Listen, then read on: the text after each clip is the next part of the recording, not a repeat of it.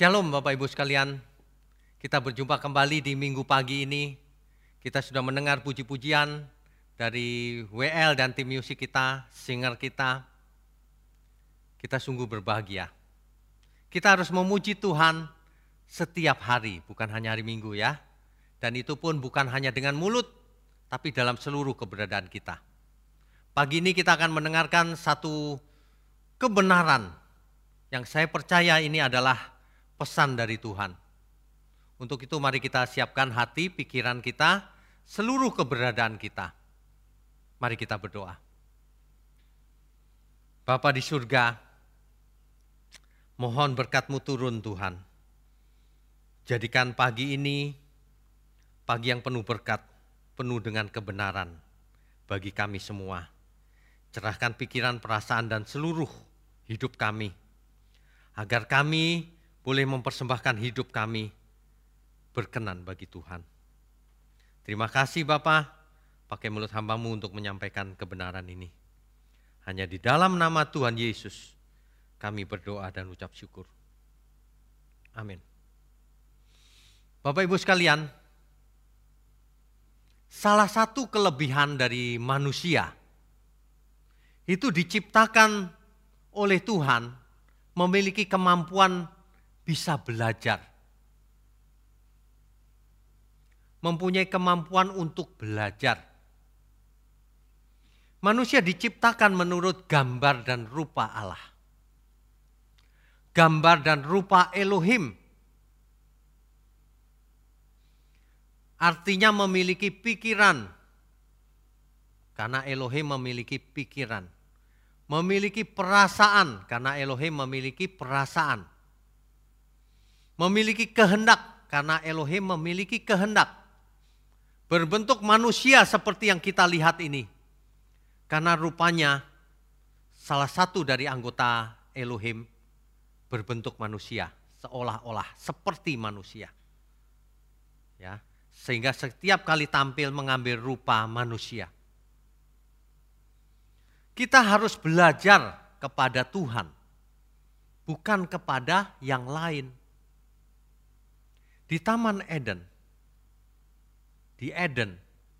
Mustinya Adam mendengarkan hanya suara Tuhan. Bukan suara yang lain. Harusnya Adam belajar 100% kepada Tuhan. Tidak mendengarkan suara yang lain.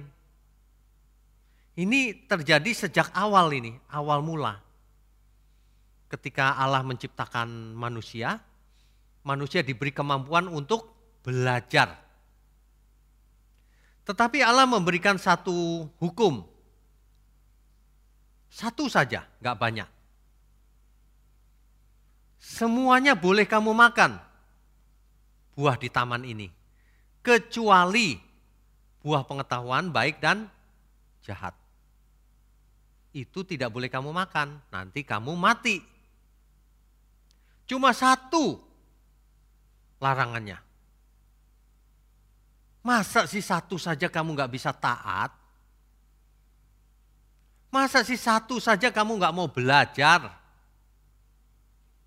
Itulah kejadian yang terjadi pada Adam. Satu saja dia tidak taat. Padahal ia tahu loh. Kalau kamu makan buah itu kamu mati. Kejadian 2 ayat 17.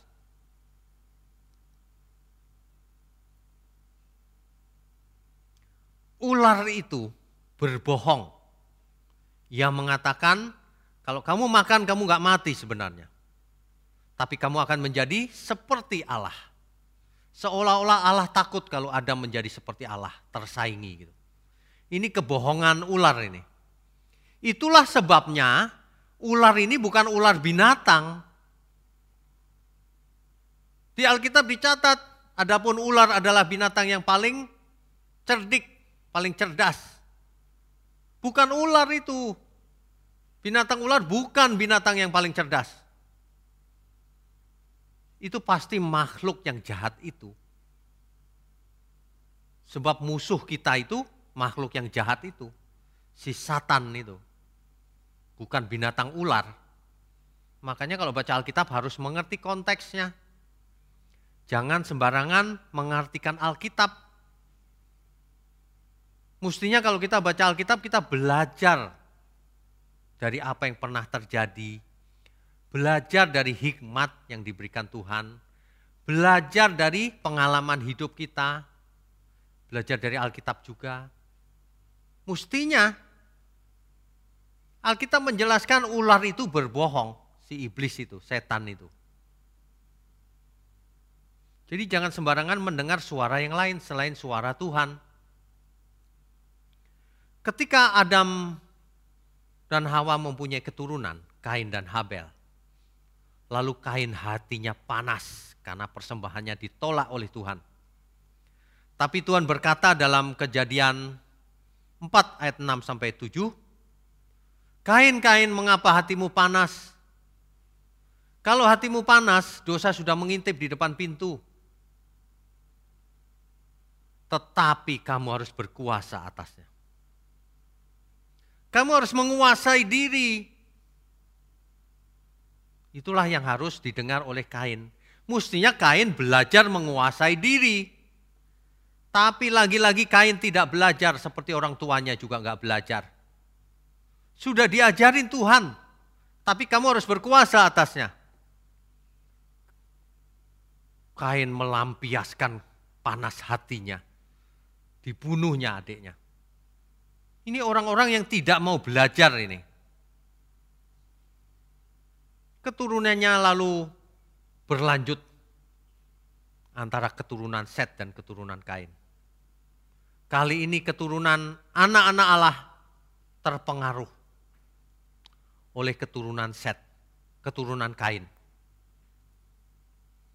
Anak-anak keturunan Set, yaitu yang disebut anak-anak Allah, melihat anak-anak keturunan Kain yang disebut anak-anak manusia, cantik-cantik, sehingga mereka mengambil istri mereka sesuka hatinya. Perhatikan kata sesuka hatinya. Kejadian 6 ayat 2 sampai 3. Suka-suka sendiri. Inilah manusia yang tidak mau belajar. Harusnya ia menundukkan diri kepada ajaran Tuhan, hikmat Tuhan, firman Tuhan. Tapi ia malah membuat keputusan suka-suka sendiri. Dan generasi pun berjalan lagi. Sampai di zamannya Nuh.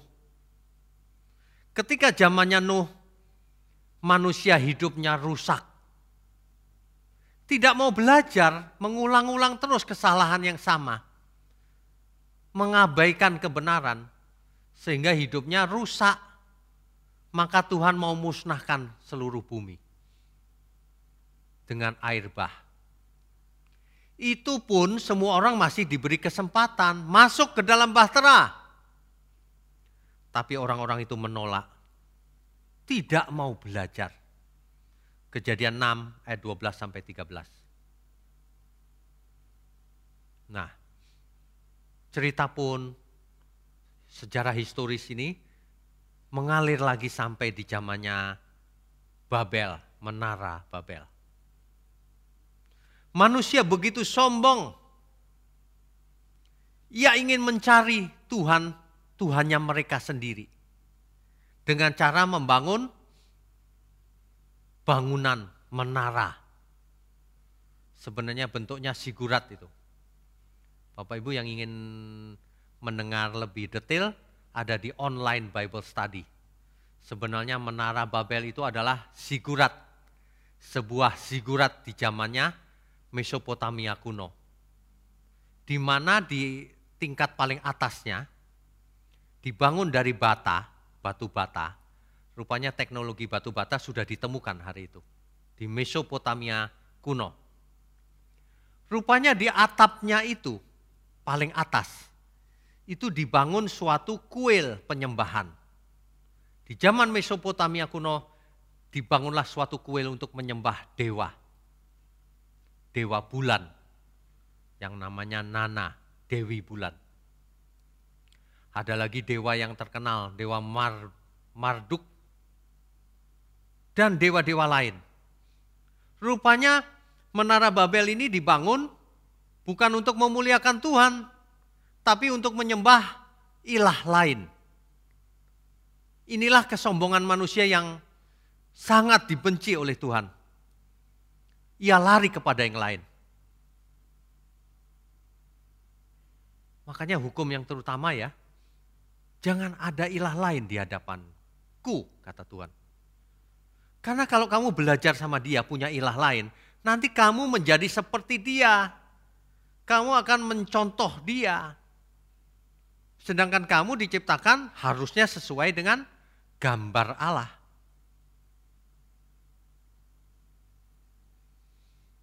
Tapi rupanya manusia memang tidak belajar. Ia mengulang-ulang kesalahan yang sama. Ia lebih mendengar suara yang lain. Ia mempunyai cara sendiri, sombong, ingin mencapai surga dengan caranya sendiri, membangun menara yang mencapai langit. Istilah mencapai langit bukan tinggi sekali seperti zaman sekarang. Hari itu nggak bisa terlalu tinggi. Kalau dibandingkan dengan bangunan-bangunan tinggi zaman sekarang nggak ada papanya yang zaman dulu itu. Menara Babel itu. Zaman sekarang yang paling tinggi Burj Khalifah yang ada di Dubai. Itu tinggi sekali. Menara Babel nggak melebihi itu. Ya, bahkan jauh di bawahnya. Bukan soal tingginya menara. Ini karena tujuan dari membangun menara itu adalah mencapai langit versinya mereka. Mencapai surga versinya mereka. Mencapai surga dengan menyembah dewa lain. Menemui sang dewa di puncaknya. Itulah yang membuat Tuhan marah. Akhirnya semua manusia binasa. Kejadian 11 ayat 4 sampai 7. Akhirnya semuanya binasa kecuali delapan orang yang ada di Bahtera Nuh.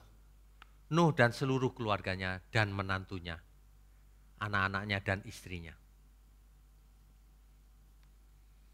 Coba kita belajar dari sejarah ya Bapak Ibu ya. Banyak orang kalau hidup itu tidak mau belajar. Padahal kita sudah punya ibarat mau ujian itu sudah punya petunjuknya. Sudah diberitahu dulu tuh begitu loh kejadiannya. Yang membuat manusia binasa itu begitu. Harusnya hari ini kita tidak mengulang kesalahan yang sama. Itulah sebabnya di Amsal 1 ayat 7, ya kita baca Amsal 1 ayat 7, ini prinsip utama.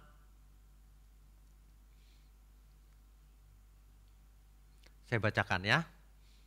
Takut akan Tuhan adalah permulaan pengetahuan. Tetapi orang bodoh menghina hikmat dan didikan. Takut akan Tuhan yang benar itu adalah permulaan dari pengetahuan atau hikmat. Kalau orang bodoh, dia menghina hikmat dan didikan. Kalau diajarin, ah enggak begitu kali. Sukanya hoax, bukan kebenaran. Kalau orang tidak benar itu tidak mau belajar, meremehkan didikan, meremehkan firman, alasannya macam-macam. Ya, itu Amsal. Satu lagi kita baca Amsal, masih pasal pertama, ayatnya ke-22.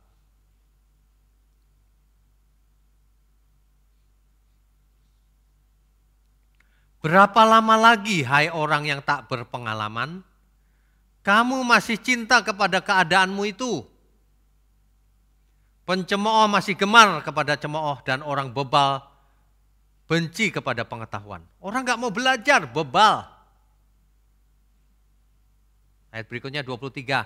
Berpalinglah kamu kepada teguranku, dengerin teguranku. Sesungguhnya aku hendak mencurahkan isi hatiku kepadamu dan memberitahukan perkataanku kepadamu. Tuhan itu sangat mengasihi manusia loh. Tuhan ingin bicara, Tuhan ingin mengajar kita. Oleh karena kamu menolak ketika aku memanggil, Dan tidak ada orang yang menghiraukan ketika aku mengulurkan tanganku. Bahkan kamu mengabaikan nasihatku dan tidak mau menerima teguranku. Maka aku juga akan menertawakan celah kamu. Aku akan berolok-olok apabila kedahsyatan datang ke atasmu. 27. Apabila kedahsyatan datang ke atasmu seperti badai, dan celaka melanda kamu seperti angin puyuh, apabila kesukaran dan kecemasan datang menimpa kamu, pada waktu itu mereka akan berseru kepadaku, tetapi tidak akan kujawab. Mereka akan bertekun mencari aku, tetapi tidak akan menemukan aku. Oleh karena mereka benci kepada pengetahuan dan tidak memilih takut akan Tuhan. Orang yang tidak takut akan Tuhan, artinya ia tidak mau belajar. Orang yang takut akan Tuhan akan dibuktikan melalui hidupnya. Ia harus belajar dalam segala hal. Itu ciri utama. Tidak mau menerima nasihatku tetapi menolak segala teguranku. Maka mereka akan memakan buah perbuatan mereka. Dan menjadi kenyang oleh rencana mereka Sebab orang yang tak berpengalaman akan dibunuh oleh keengganannya. Dan orang bebal akan dibinasakan oleh kelalaiannya. Tetapi siapa mendengarkan aku, ia akan tinggal dengan aman. Terlindung daripada kedahsyatan malapetaka. Bapak ibu sekalian, janganlah kita menjadi orang yang bebal dan bodoh. Hidup ini singkat cuma satu kali kesempatannya. Kita harus belajar. Satu lagi Hosea 4 ayat 6. Hosea pasal 4 ayat 6.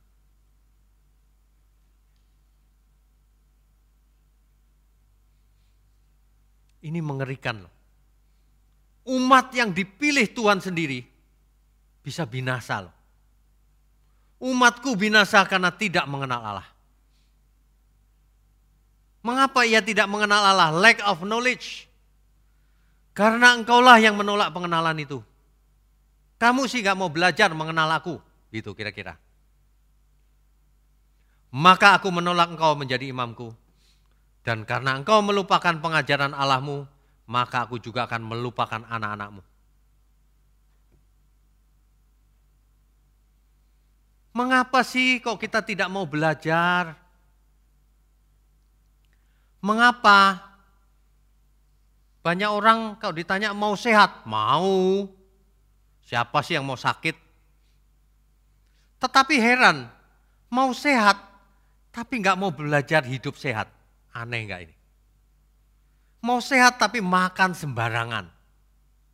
Manusia itu memang aneh, bebal. Mau dengar seminar kesehatan, mau tetapi setelah mendengar kesehatan merasa sudah sehat. Belum praktek padahal. Makanya seminar kesehatan itu laris. Tapi rumah sakit juga laris.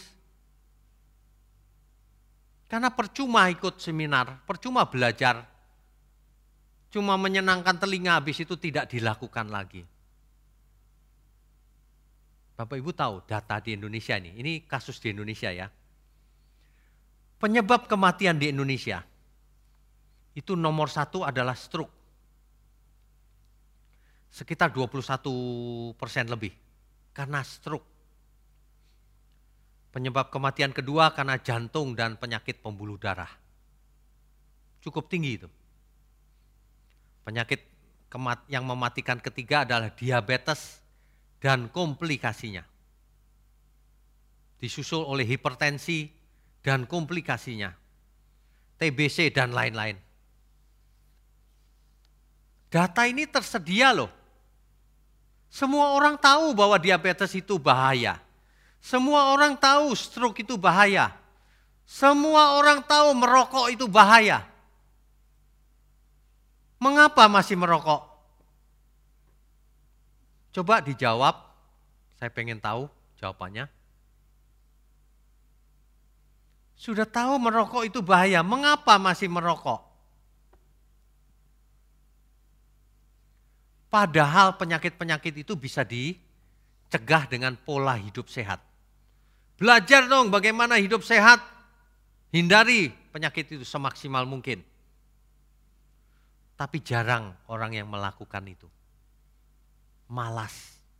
Belajar itu rumit, perlu waktu panjang, capek, tidak enak. Harus belajar pola makan yang sehat, hidup yang sehat, malas. Itulah yang terjadi dengan kebebalan itu. Itu ciri manusia bebal itu begitu. Apakah pada umumnya orang mau belajar untuk berubah? Pada umumnya tidak. Itulah sebabnya rumah sakit penuh. Tidak hanya di masa pandemi saja, dari dulu sudah penuh. Semuanya sudah terlambat barulah mengobati. Saya mau ingatkan, tidak seluruh usaha pengobatan berhasil. Banyak sekali yang meninggal. Ya, ada ada lagi orang yang mau awet muda katanya.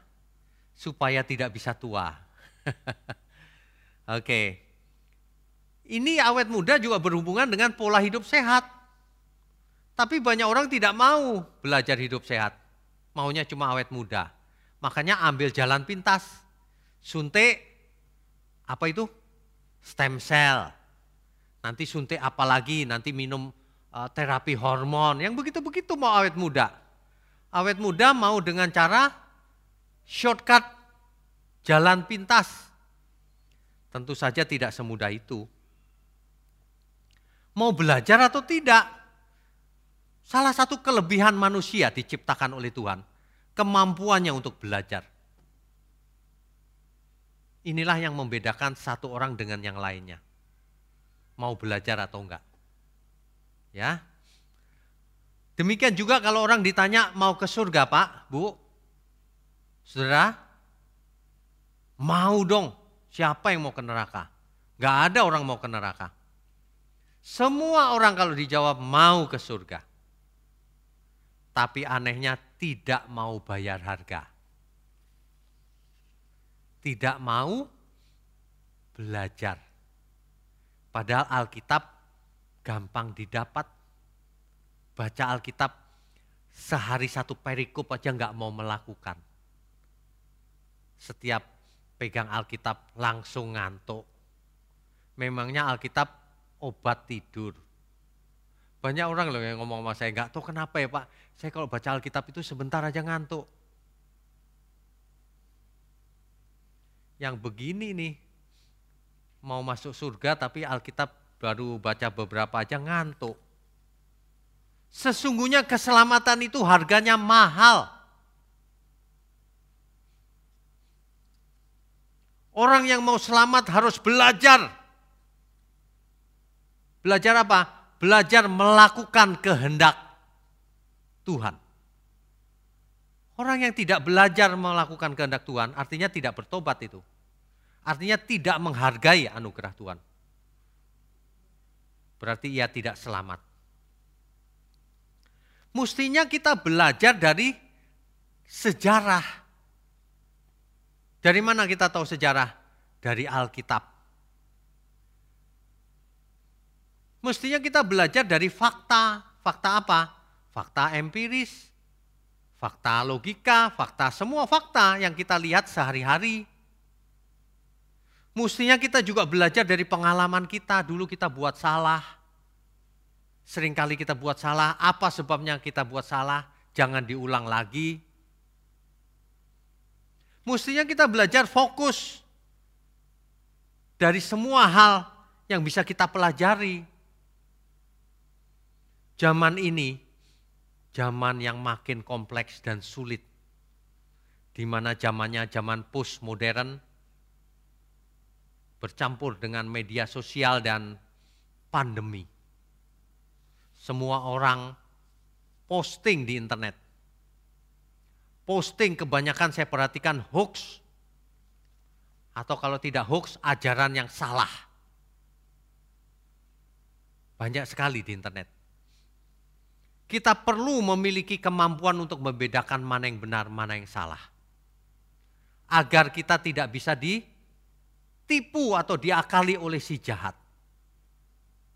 Amin ya. Banyak orang tidak mau belajar. Mengapa? Minimal ada tiga kasus yang saya perhatikan di Alkitab. Coba kita baca Yohanes 8 ayat 43.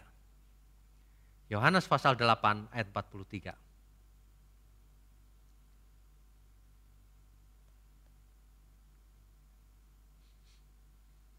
Tuhan sendiri loh yang berkata begini. Apakah sebabnya kamu tidak mengerti bahasaku? Kenapa kamu tidak mengerti perkataanku? Sebab kamu tidak dapat menangkap firmanku. Banyak orang kalau baca ini bingung. Mengapa kamu tidak mengerti perkataanku? Karena kamu tidak menangkap Firmanku di situ di situ artinya logos. Logosku. Maksudku, hikmatku. Kamu nggak nangkep maksudku apa sih? Kenapa tidak mengerti? Karena kamu kalau baca Alkitab cuma satu ayat. Kamu pikir mantra apa Alkitab itu? Karena kamu kalau baca Alkitab bukan mencari apa yang dimaksud Alkitab. Tapi satu ayat lalu dipikirkan dengan pengertian sendiri. Karena kamu pilih-pilih ayat, sukanya ayat yang menghibur. Bukan mau mencari apa pesan Tuhan di dalam Alkitab itu. Karena banyak orang ketika baca Alkitab tidak mau baca secara lengkap. Baca sedikit lalu diartikan sendiri. Karena banyak orang juga yang tidak mau baca Alkitab, alasannya aku mau mendengar suara Tuhan langsung. Itu orang-orang yang malas itu. Bohong itu. Tidak ada orang yang tidak mau belajar Alkitab tapi mengerti Alkitab. Tidak ada. Bohong dia. Kelihatan dari cara mengajarnya. Yang diajarkan teologi kemakmuran. Manusia hidup harus kaya katanya di bumi. Teologi apaan itu? Kita itu harus tunduk kepada firman Tuhan, taat, jangan dirubah-rubah. Jangan memasukkan ide kita ke dalam Alkitab. Jangan menggunakan ayat-ayat untuk memanipulasi pikiran jemaat untuk memberi persembahan. Jangan pernah lakukan itu. Kita harus mengajar kebenaran supaya jemaat sadar punya iman yang dewasa dan ia tahu ia bahwa ia harus mendukung pekerjaan Tuhan Baik uang, waktu, dan semua hal yang bisa dilakukan.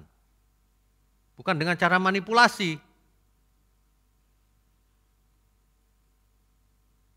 Kasus kedua. Yohanes 5 ayat 39 sampai 40. Yohanes pasal 5 ayat 39 sampai 40.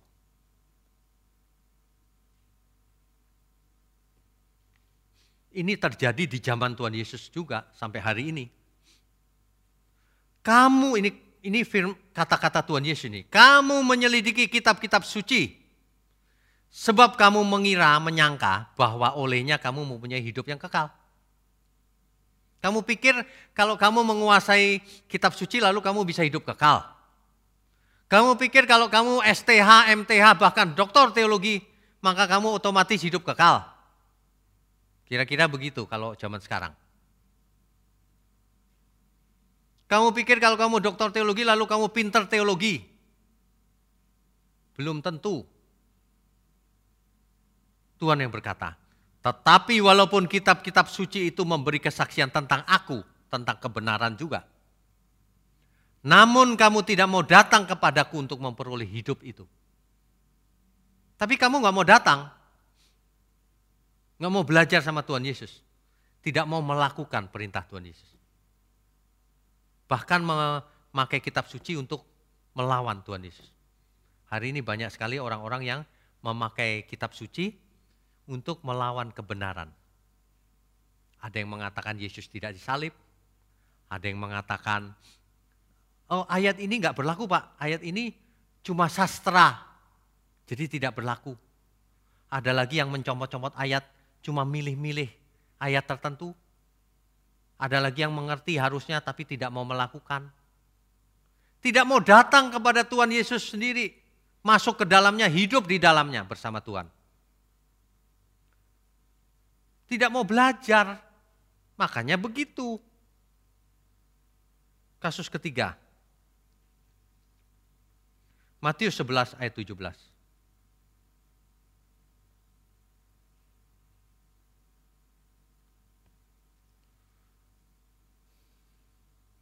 Ini perkataan Tuhan juga. Kami meniup seruling bagimu tetapi kamu tidak menari. Kami menyanyikan kidung duka tetapi kamu tidak berkabung. Bapak Ibu saudara sekalian tentu mengerti apa yang dimaksud. Kami meniup seruling, kamu nggak nari. Kami menyanyi lagu sedih, kamu nggak bersedih. Artinya banyak orang tidak meresponi kebenaran. Tidak meresponi anugerah Tuhan. Tidak merespon seperti buta dan tuli. Padahal melihat dan mendengar. Di zaman Tuhan Yesus perhatikan nih. Karena Yohanes datang ia tidak makan, tidak minum. Yohanes sering puasa. Dikatain sama mereka, ia kerasukan setan, jarang makan. Tapi ketika anak manusia datang, Tuhan Yesus yang datang, ia makan minum bersama para muridnya. Dikatain juga ia seorang pelahap dan peminum, tukang makan katanya. Manusia ini benar-benar responnya salah. Hari ini, di suasana pandemi seperti ini, kalau ini diizinkan Tuhan, Bapak Ibu Saudara sekalian, siapa pun yang mendengar program ini, artinya kita diberi kesempatan merenungkan hidup kita. Di rumah saja, untuk apa hidup ini? Mari kita belajar. Bapak Ibu sekalian, mari kita belajar.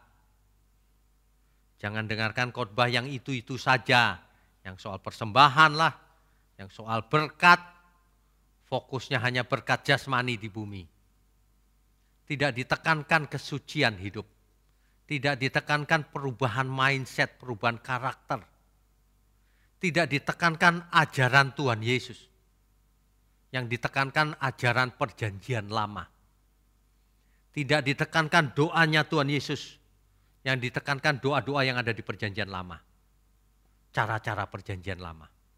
Ini suatu modus yang kelihatannya pakai Alkitab juga sih.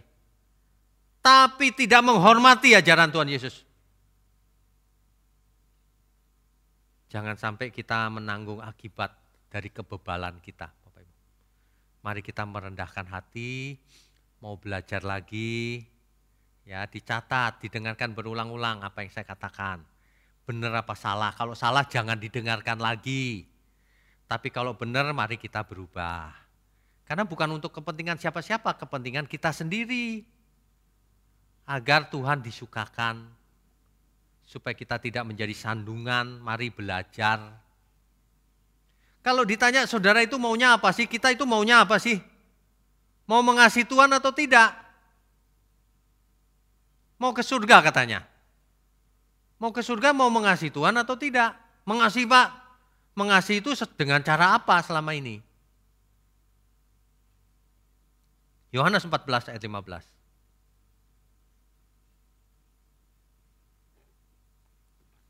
Ini perkataan Tuhan loh ya. Jikalau kamu mengasihi aku, kamu akan menuruti segala perintahku. Kalau kita mengasihi Tuhan, maka kita buktikan dengan melakukan segala perintah Tuhan. Dah, itu cirinya. Kalau orang tidak mau melakukan, dia memang tidak mengasihi Tuhan. Sebenarnya mau di pihak siapa sih kita semua ini? Mau ke surga tapi nggak di pihak Tuhan. Nggak niat itu namanya. Matius 12 ayat 30.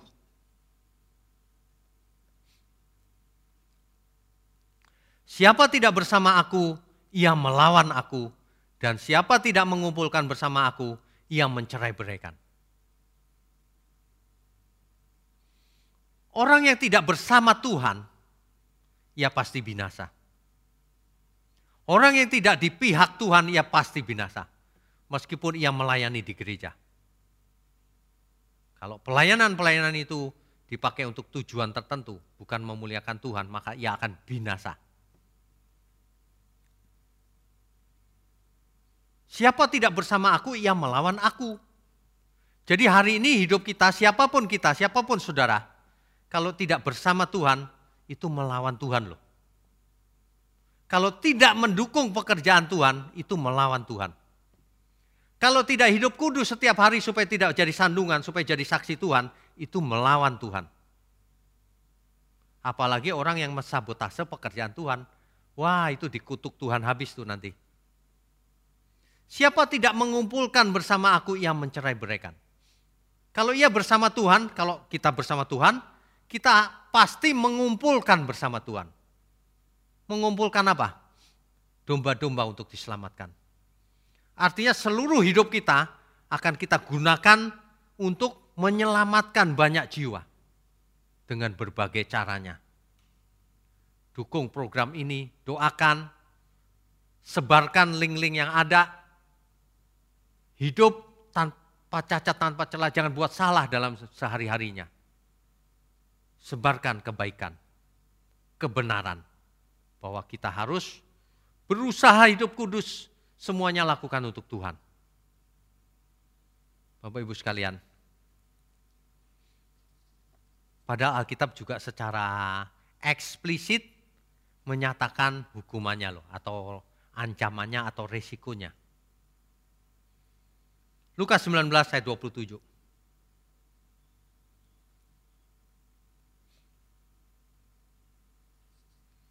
Firman Tuhan demikian. Akan tetapi semua seteruku ini yang tidak suka aku menjadi rajanya, bawalah mereka kemari dan bunuhlah mereka di depan mataku. Ini artinya semua orang yang tidak suka Yesus menjadi rajanya, ia bakal binasa. Itu artinya. Ah saya, saya Kristen kok pak. Oke, tapi kamu tidak mengasihi Tuhan. Buktinya apa? Kamu tidak melakukan seluruh perintah Tuhan. Buktinya apa? Buktinya kamu berlebih hidupnya, tapi tidak mendukung pekerjaan Tuhan. Buktinya kau hidup untuk dirimu sendiri, foya-foya, senang-senang sendiri. Kau tidak perhatikan saudaramu yang sulit hidupnya. Kau tidak perhatikan orang-orang yang sedang sakit, sedang membutuhkan pertolongan, Kau tidak perhatikan terutama orang-orang yang tidak mengenal kebenaran. Harusnya kita berusaha bagaimana caranya supaya mereka mengenalnya. Bahkan ketika kita mendapatkan link khotbah kebenaran, harusnya kita berpartisipasi untuk menyebarkan, jangan disimpan sendiri. Apa sih susahnya forward begitu? Ya, dalam segala hal lakukan untuk Tuhan. Kita itu harus sudah all out. Hari begini, udah nggak usah aneh-aneh, all out. Judul dari tema kita pagi ini adalah Lessons Learn. Pelajaran yang kita dapat, yang harus kita pelajari. Kita sudah lihat bagaimana manusia jatuh dalam dosa di Eden. Turun-temurun bukan makin baik, Untung Tuhan Yesus datang. Sementara agama-agama mulai lahir, tapi Tuhan Yesus datang untuk menyelamatkan kita. Alkitab diadakan karena Alkitab berkuasa menyelamatkan kita juga.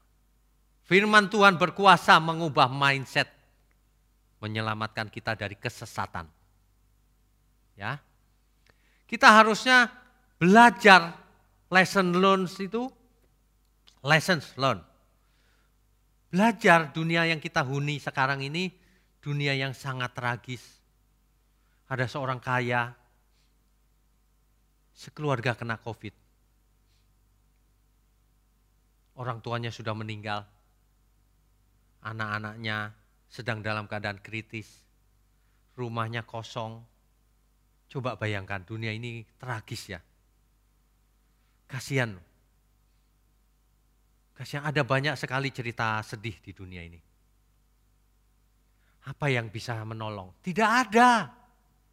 Kekayaan kita tidak bisa menolong kita. Siapa pun tidak bisa menolong kita. Saudara kita juga tidak bisa menolong kita dalam banyak kasus. Pertolongan kita hanya datang dari Tuhan saja. Belajarlah Bapak Ibu. Utamakan yang paling penting Jangan buang waktu hidup ini dengan sia-sia. Mari kita fokus membuat prioritas yang benar. Mari kita buang seluruh kegiatan-kegiatan kita yang tidak berhubungan dengan kekekalan. Mari kita prioritaskan fokus hidup kita ini hanya untuk mengejar kebenaran. Belajar firman kebenaran, harus mengerti gambar besarnya, harus mengerti dengan benar.